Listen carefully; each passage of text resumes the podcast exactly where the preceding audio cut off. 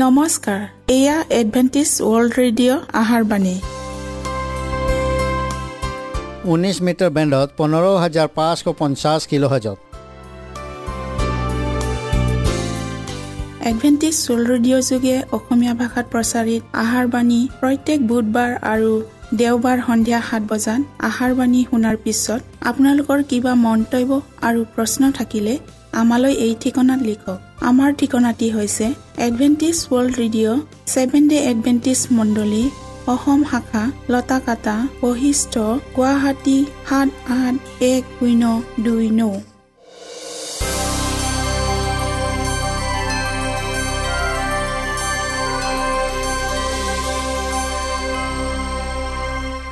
প্ৰিয় শ্ৰোতা বন্ধুসকল এতিয়া শুনো আহক এটি খ্ৰীষ্টীয় ধৰ্মীয় গীত।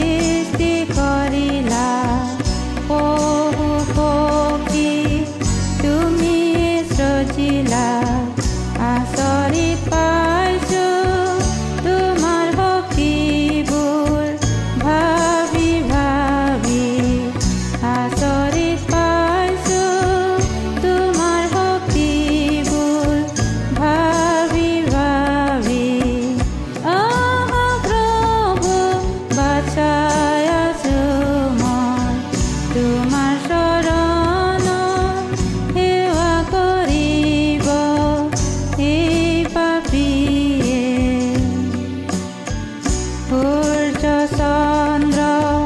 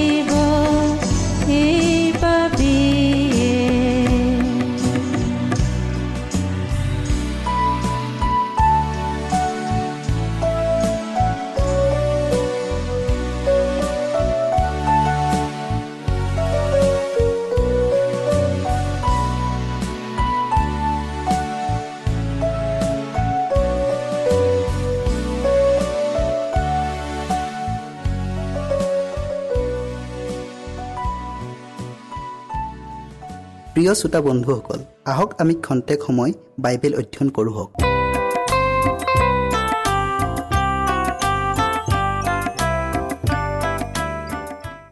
আজিৰ বিষয় হৈছে আমাৰ দুখ যন্ত্ৰণাত ঈশ্বৰৰ ভূমিকা।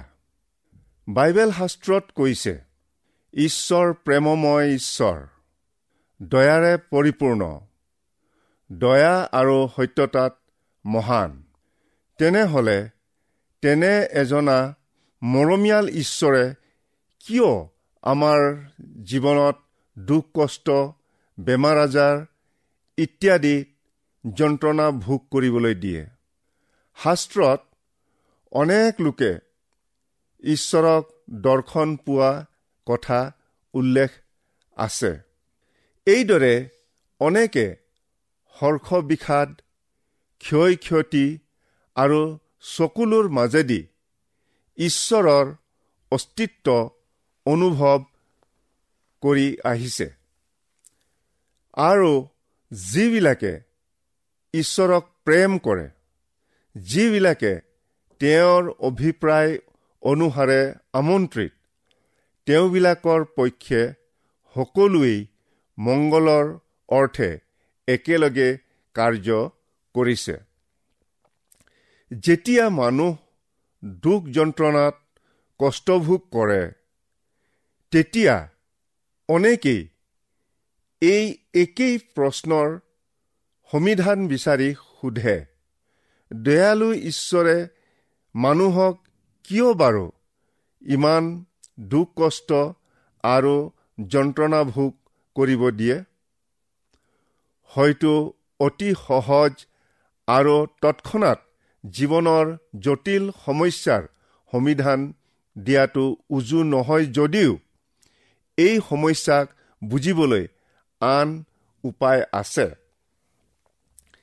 আমি প্ৰথমতেই নিশ্চিতৰূপে জনাটো আৱশ্যক যে ঈশ্বৰে কেতিয়াও দুখ কষ্ট যন্ত্ৰণা ৰোগ বেমাৰ ইত্যাদিৰ সৃষ্টিকাৰক নহয়। আৰু এইবোৰৰ বিষয়ে যে আমি অভিজ্ঞতা হ'ব লাগে তেওঁ তেনে বাঞ্ছা কৰা নাছিল। যীশুৱে অতি সাৱধানে তেওঁৰ দৃষ্টান্তৰ যোগেদি ব্যাখ্যা কৰিছে। কোনোবা শত্ৰুৱে তাক কৰিলে।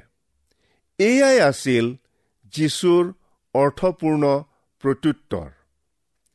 ঈশ্বৰে সৃষ্টি কৰা আমাৰ ধুনীয়া পৃথিৱীখনৰ বিষয়ে তেওঁ এইদৰে ব্যাখ্যা কৰিছে। সৃষ্টিখন উত্তম আৰু নিখুঁত আছিল। সৃষ্টিকৰ্তা ঈশ্বৰে পৃথিৱী পথাৰখনত কেৱল ভাল কঠীয়া সিঁচিছিল। কিন্তু কোনোৱে ঈশ্বৰৰ অনন্তকালৰ লক্ষ্যত ব্যাঘাত জন্মাবলৈ বহু পৰিমাণৰ অলাগতিয়াল ঘাঁহ বন গজালে। আমি দৈনিক অশুভ শক্তিৰ সৈতে যুঁজ বাগৰ কৰা মূল উৎপত্তিও ইয়েই।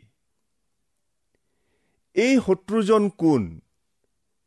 এই শত্ৰুজন ক'ৰ পৰা আহিল? সি ঈশ্বৰক ইমান ঘীন কৰে কিয়? আৰু ঈশ্বৰে তাক ধ্বংস কৰা নাই কিয়? বাইবেলে আমাক কয় যে প্ৰকৃততেই এই শত্ৰু স্বৰ্গত উৎপত্তি হ'ল। আৰু সি অহৎ পথত চলিবলৈ পচন্দ কৰাত তাক স্বৰ্গৰ পৰা খেদি বাহিৰ কৰি দিয়া হ'ল। বাইবেলৰ শেষ পুস্তকখনত উল্লেখ আছে আৰু স্বৰ্গত যুদ্ধ হ'ল। সেই নাগ আৰু দূতবিলাকেও যুদ্ধ কৰিলে কিন্তু বলে নোৱাৰিলে। দিয়াবল আৰু ছয়তান নামেৰে বিখ্যাত হোৱা যি পুৰণি সাপে গোটেই জগতৰ ভ্ৰান্তি জন্মায় তাক পৃথিৱীলৈ পেলোৱা হ'ল। এয়া শত্ৰুজনৰ পৰিচয়। শাস্ত্ৰৰ আন ঠাইত তাৰ প্ৰকৃত নাম লুচিফৰ। আৰু অসমীয়াত দীপ্তিময় প্ৰভাতীয় তৰা বুলি কৈছে। লুচিফৰ ঈশ্বৰৰে সৃষ্টি। কিন্তু তাক পাখণ্ড ৰূপত সৃষ্টি কৰা নাছিল। শাস্ত্ৰত কৈছে তোমাত অন্যায় পোৱা নোযোৱালৈকে তুমি সৃষ্ট হোৱা দিনৰ পৰা তোমাৰ আচাৰ ব্যৱহাৰত সিদ্ধ আছিলা। এতিয়া যাক আমি ছয়তান বুলি অভিহিত কৰিছো সি এসময়ত সৰ্গত প্ৰধান আৰু প্ৰতাপী দূতৰ ভূমিকা পালন কৰিছিল। তেনেহলে তাৰ পতন হ'ল কেনেকৈ? এক অহুচি উচ্চাকাংক্ষাই তাৰ পতনৰ মূল কাৰণ। বাইবেলে কৈছে তুমি মনতে ভাবিছিলা মই সৰ্গলৈ উঠি ঈশ্বৰৰ তৰাবোৰৰ ওপৰত মোৰ সিংহাসন ওখ কৰি স্থাপন কৰিম আৰু উত্তৰ দিশৰ অন্ত সীমাত সভাগিৰিত মই বহিম। মই মেঘবোৰতকৈও ওখ ঠাইত উঠিম। মই সৰ্বোপৰি জনাৰ তুল্য হ'ম। সি সকলো প্ৰকাৰৰ প্ৰাধান্য লাভ কৰা স্বত্তেও সুখী হোৱা নাছিল। কাৰণ সি সৰ্বোচ্চ যি যীশুখ্ৰীষ্টৰ আসন তাক পাবলৈ হাবিয়াহ কৰিছিল। সেই স্থান কেনেকৈ সি হস্তগত কৰিব পাৰে। তাৰে এটা আঁচনি তৈয়াৰ কৰিলে। তাৰ বিষয়ে শাস্ত্ৰত কৈছে তোমাৰ সৌন্দৰ্যৰ কাৰণে তোমাৰ হৃদয় গৰ্বিত হৈছিল। তোমাৰ উজ্জ্বলতাৰ কাৰণে তুমি নিজ জ্ঞান নষ্ট কৰিলা। অৱশেষত এই উচ্চাভিলাষী ব্যক্তিজনক শাস্ত্ৰত কোৱা হৈছে আৰু তুমি পাপ কৰাৰ কাৰণে মই তোমাক অহুচি বুলি ঈশ্বৰৰ পৰ্বতৰ পৰা বাহিৰ কৰিলো। শেষত তাৰ পাপে ঈশ্বৰৰ বিৰুদ্ধে মুকলি বিদ্ৰোহৰ ৰূপ ললে। এতিয়া সি আন দূতবোৰৰ মাজত ঈশ্বৰৰ বিৰুদ্ধে কৈ বিভাজন সৃষ্টি কৰিলে। তাৰ এই দুষ্ট কাৰ্যৰ বাবে ঈশ্বৰে তাক তৎক্ষণাত ধ্বংস কৰিব পাৰিলেহেঁতেন। কিন্তু জ্ঞানৱান ঈশ্বৰে তেনে নকৰিলে। লুচিফৰ আৰু তাৰ ফলীয়া হৈ সৰ্গৰ এক তৃতীয়াংশ ঈশ্বৰ বিদ্ৰোহী দূতবিলাকক ধ্বংস কৰা হলে ঈশ্বৰ অনুগত্য আন দূতবিলাকে চিৰকাল ঈশ্বৰৰ প্ৰতি সন্দেহ প্ৰকাশ কৰিলেহেঁতেন। কিন্তু সিবিলাকক সৰ্গৰ বাজ কৰি দিয়া হ'ল। যীশুৱে ছয়তানক সৰ্গৰ পৰা খেদি বাহিৰ কৰি দিয়া বিষয়ে কৈছে। সৰ্গৰ পৰা বিজুলীৰ নিচিনাকৈ মই ছয়তানক পৰা দেখিলো। আমাৰ দুৰ্ভাগ্য এইয়ে যে সি আমাৰ পৃথিৱীখনকেই তাৰ বাসস্থান কৰিলে। হাজাৰ হাজাৰ বছৰ ধৰি ছয়তানে মানুহবিলাকক ঈশ্বৰ বিৰোধী হবলৈ প্ৰকাশ্যে উচতনি দি আহিছে। সি আমাৰ আদি মাতৃ হাৱাক এডেনবাৰীত সৰ্পৰ ৰূপ ধৰি ঈশ্বৰৰ অপৰিৱৰ্তনীয় সতৰ্কবাণীৰ বিৰুদ্ধাচৰণ কৰি ফুচুলাই ক'লে দৰাচলতে তোমালোকে নমৰা ছয়তানে তাৰ অতি ভয়ানক পৰীক্ষা যীশুখ্ৰীষ্টীয়ৰ কাৰণে সংৰক্ষিত কৰি ৰাখিছিল। বাইবেলে কৈছে সেই অৰণ্যত যীশু দুকুৰি দিনলৈকে থাকি ছৈতানৰ দ্বাৰাই পৰীক্ষিত হ'ল।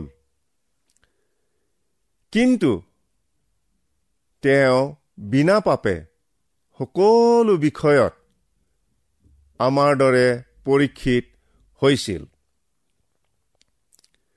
যীশুৰ আগমনৰ পূৰ্বেই অৰ্থাৎ বিশ্ব ইতিহাসৰ অন্তিম দিনবোৰত ঈশ্বৰৰ আজ্ঞা পালনকাৰী বিশ্বাসী দলটোক ছয়তানে নিষ্ঠুৰভাৱে আক্ৰমণ কৰিবলৈ উদ্যত হৈ আছে।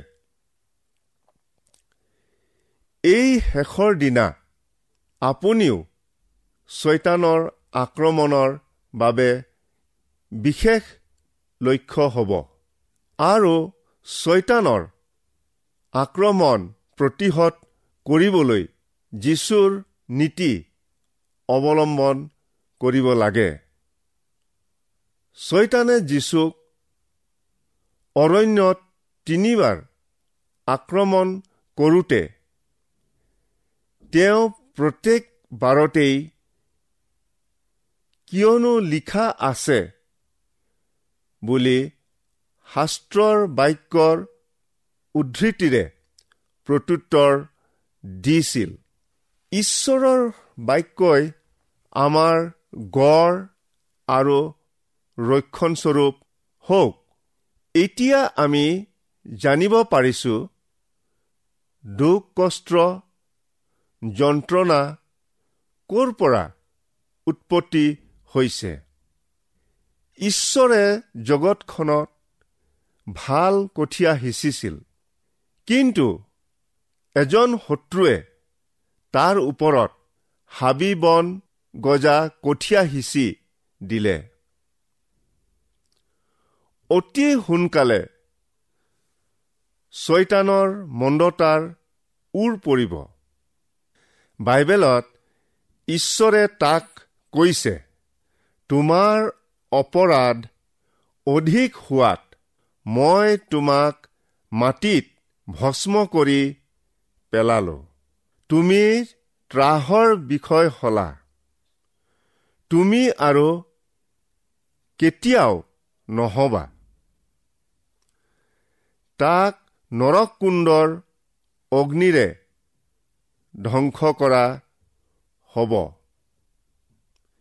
ঈশ্বৰে আমালৈ এই আশাৰ বাণী দিছে। তেওঁ সম্পূৰ্ণকৈ অন্ত কৰিব। দ্বিতীয়বাৰ সংকট নহ'ব। ঈশ্বৰক ধন্যবাদ জনাওঁ। সেই দিন চমু হৈ আহিছে। যেতিয়া তেওঁ কাঁইটীয়া হাবি বনবোৰ চিৰকালৰ বাবে নোহোৱা কৰি এই ধৰাত পুনৰ উত্তম কঠীয়া সিঁচিব। সেই নৱনিৰ্মিত পৃথিৱীত ঈশ্বৰে তেওঁবিলাকৰ চকুৰ পৰা আটাই চকুলো মচি গুচাব। তাতে মৃত্যু আৰু নহ'ব। সুখ বা ক্ৰদন বা বেদনাও আৰু নহ'ব। জীৱনটো নিৰ্বাসনৰ দৰে। ঈশ্বৰে আপোনাৰ সপক্ষে মত দিয়ে। আৰু ছয়তানে আপোনাৰ বিপক্ষে মত দিয়ে। আপুনি কাক মতদান কৰিব? আপোনাৰ মতদানেই নিৰ্বাচনৰ নিৰ্ণয় কৰিব ই নিশ্চিত। আপুনি কাৰ পক্ষে মতদান দিব? যীশুখ্ৰীষ্টীয়ক নে ছয়তানক? তেওঁ আমাক আমন্ত্ৰণ কৰি কৈছে। সেই পৰিশ্ৰান্ত আৰু ভাৰাক্ৰান্ত লোকসকল মোৰ ওচৰলৈ আহা মই তোমালোকক জিৰণি দিম।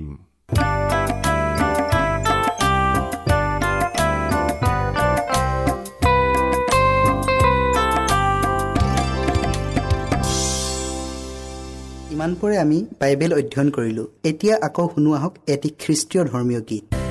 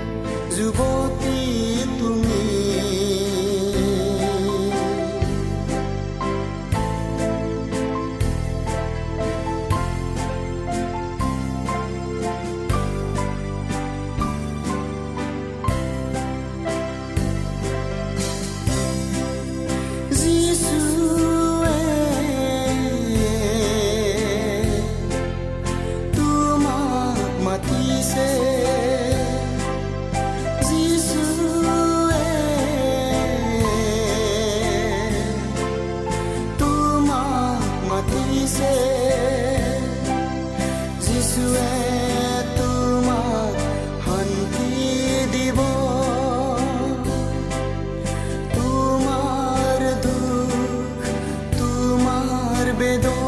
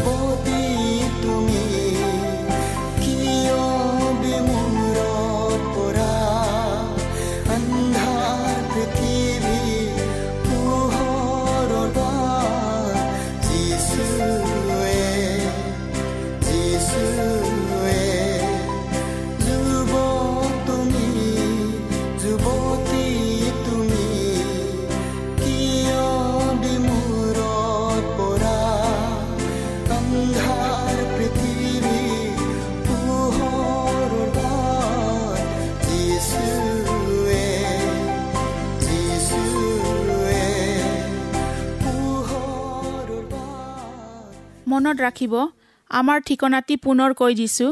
Adventist world radio' Assam region of seven day Adventist voice of hope Latakata Basistha Guwahati seven eight one zero' two nine প্ৰিয় শ্ৰোতা বন্ধুসকল এডভেণ্টিজ ৱৰ্ল্ড ৰেডিঅ' যোগে আহাৰবাণী প্ৰচাৰত আপোনালোকক পুনৰ লগ পোৱাৰ আহাৰে আজিলৈ সামৰিলোঁ। ধন্যবাদ।